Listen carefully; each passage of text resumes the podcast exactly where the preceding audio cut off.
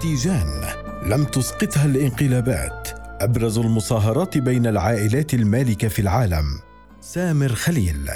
شهدت جنازة الملكه إليزابيث الثانية حضورا استثنائيا من ملوك وقادة العالم لتوصف من قبل الكثيرين بجنازة القرن.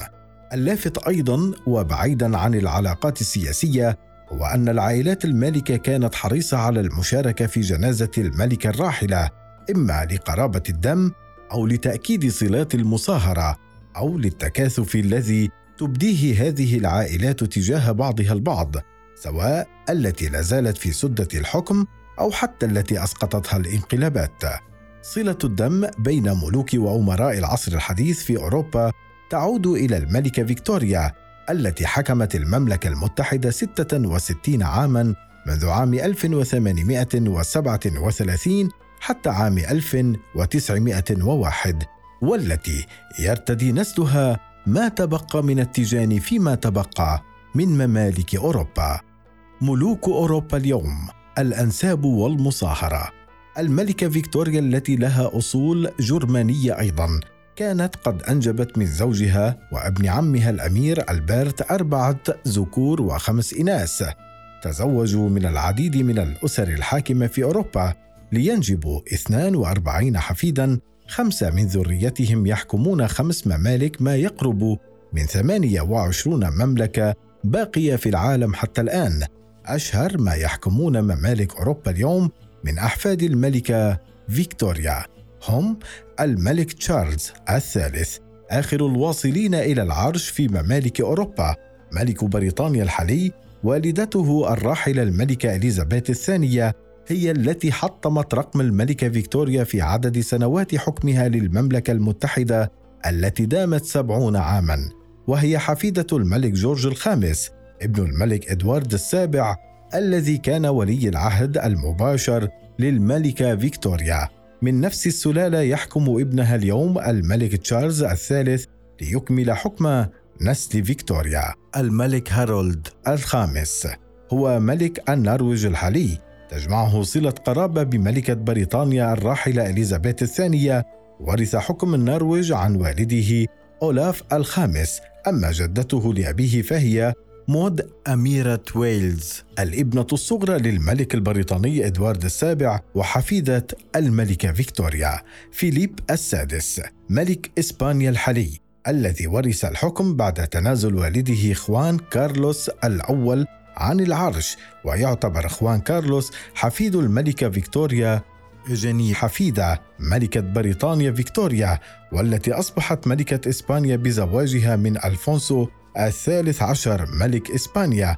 قرابة الملك فيليب السادس من الأسرة الملكية البريطانية ليست عن طريق والده فقط بل عن طريق والدته الملكة صوفيا التي لديها رابط عائلي يجمعها بالملكة فيكتوريا. عن طريق والديها.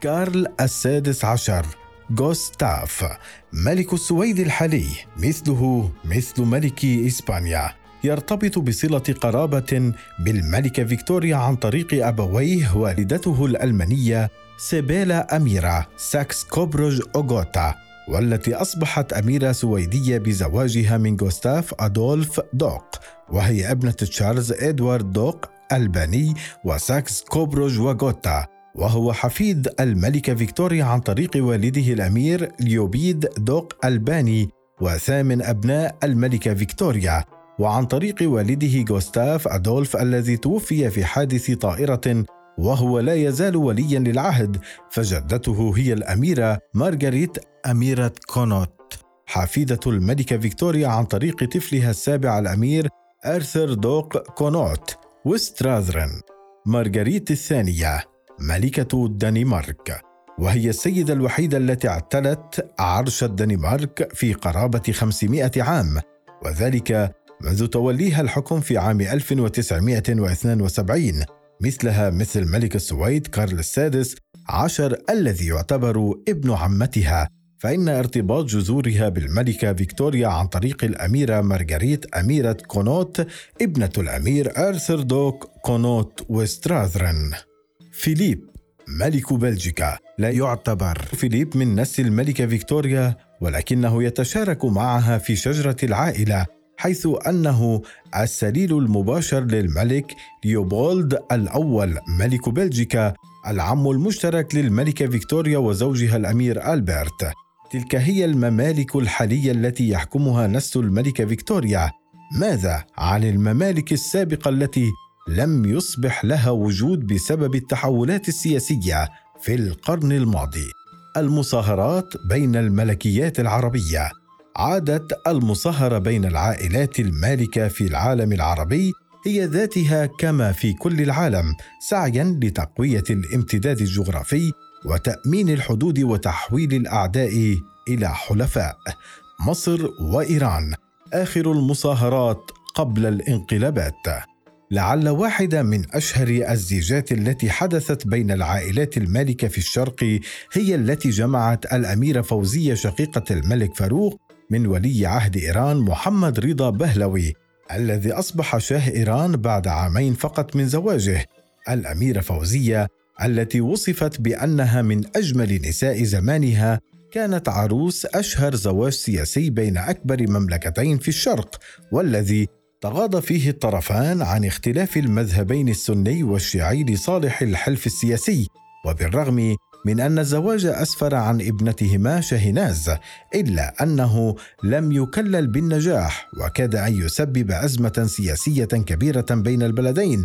ويقال إن الملك فاروق تلقى تقارير سرية بعلاقة غرامية بين شقيقته ومدرب الخيول لديها نتيجة عدم سعادتها في زواجها ورفض القصر أن تكون إمبراطورة إيران مصرية.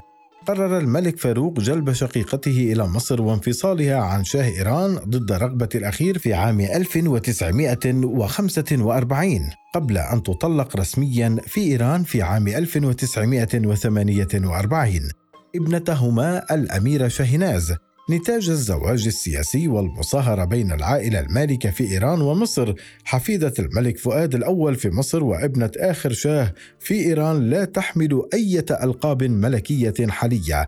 فالملكية المصرية سقطت عام 1952 والثورة الإسلامية أطاحت بنظام شاه إيران عام 1979 وعاشت شاهناز أغلب حياتها في سويسرا. ولم تحصل على الجنسية المصرية سوى عام 2013 بعد قرار من وزير الداخلية المصري محمد إبراهيم وقتها بمنحها الجنسية كون والدتها مصرية وتحمل الآن الأميرة السابقة ذات الواحدة والثمانين عاما الجنسيات الثلاثة الإيرانية والسويسرية والمصرية. حكام الخليج مصاهرات القوة الناعمة.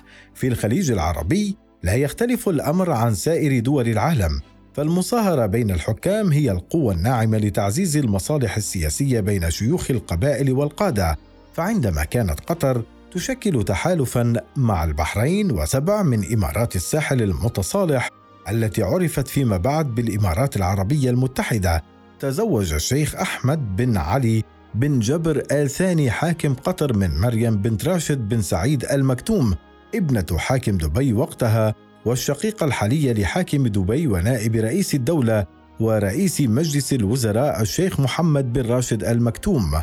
أطيح بحكم بن علي في قطر عام 1972 لصالح ابن عمه الشيخ خليفة بن حمد لينتقل بن علي للعيش في دبي في سلام بفضل نفوذ زوجته مريم.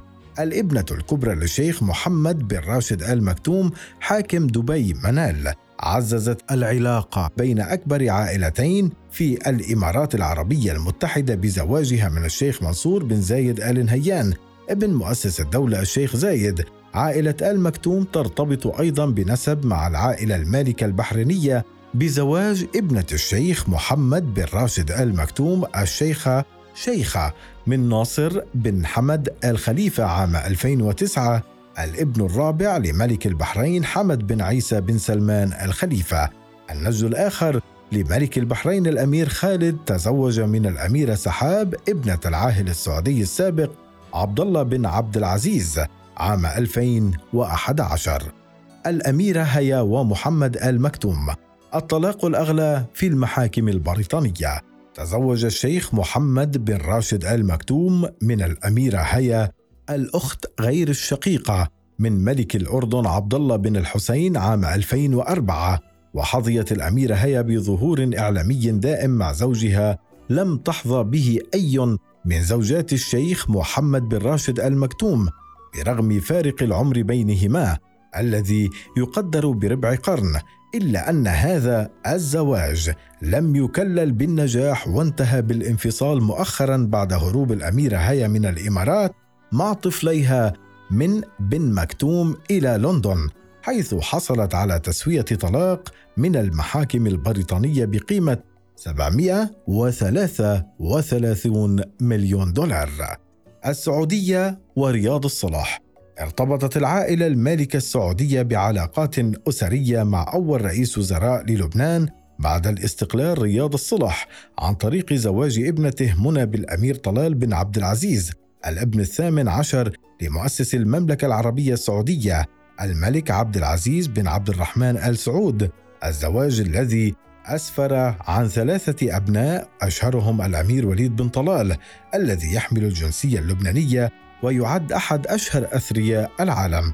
أسرة آل الصلاح ربطت أيضا العائلة الملكية المغربية بالسعودية عن طريق لمياء ابنة رياض الصلح التي تزوجت من عبد الله العلوي ابن ملك المغرب محمد الخامس وعم الملك الحلي محمد السادس. وهذه العلاقة العائلية قد تفسر للبعض دعم السعودية ودول مجلس التعاون الخليجي للمغرب ضد الجزائر في قضية الصحراء الغربية. رياض الصلح نفسه كان قد تزوج فائزة الجابري شقيقة سعد الله الجابري أول رئيس لسوريا بعد الاستقلال. الأردن والعائلة المالكة البلغارية. راهنا. لا تزال علاقة المصاهرة والزواج بين عائلات قادة العالم رائجة. آخرها زواج الأمير غازي بن محمد ابن عم ملك الأردن عبد الله الثاني من الأميرة ميريام الغازي عضو في العائلة المالكة البلغارية زواج ملكي قريب. ولي العهد المغربي وابنة ملك إسبانيا. وقد أثارت وسائل إعلام إسبانية ومغربية في الأسابيع الماضية الجدل. لدى نشر تقارير تفيد باقتراب زواج ولي العهد المغربي الأمير مولاي الحسن من ابنة ملك إسبانيا ليونور أميرة أستورياس. خاصة بعد ظهور الأميرة الإسبانية بقلادة تحمل كلمة حب باللغة العربية زعم أنها هدية من ولي العهد المغربي. تتمتع المغرب مع إسبانيا بروابط تاريخية وعلاقة صداقة وثيقة منذ سنوات. فهل تتعمق هذه العلاقة؟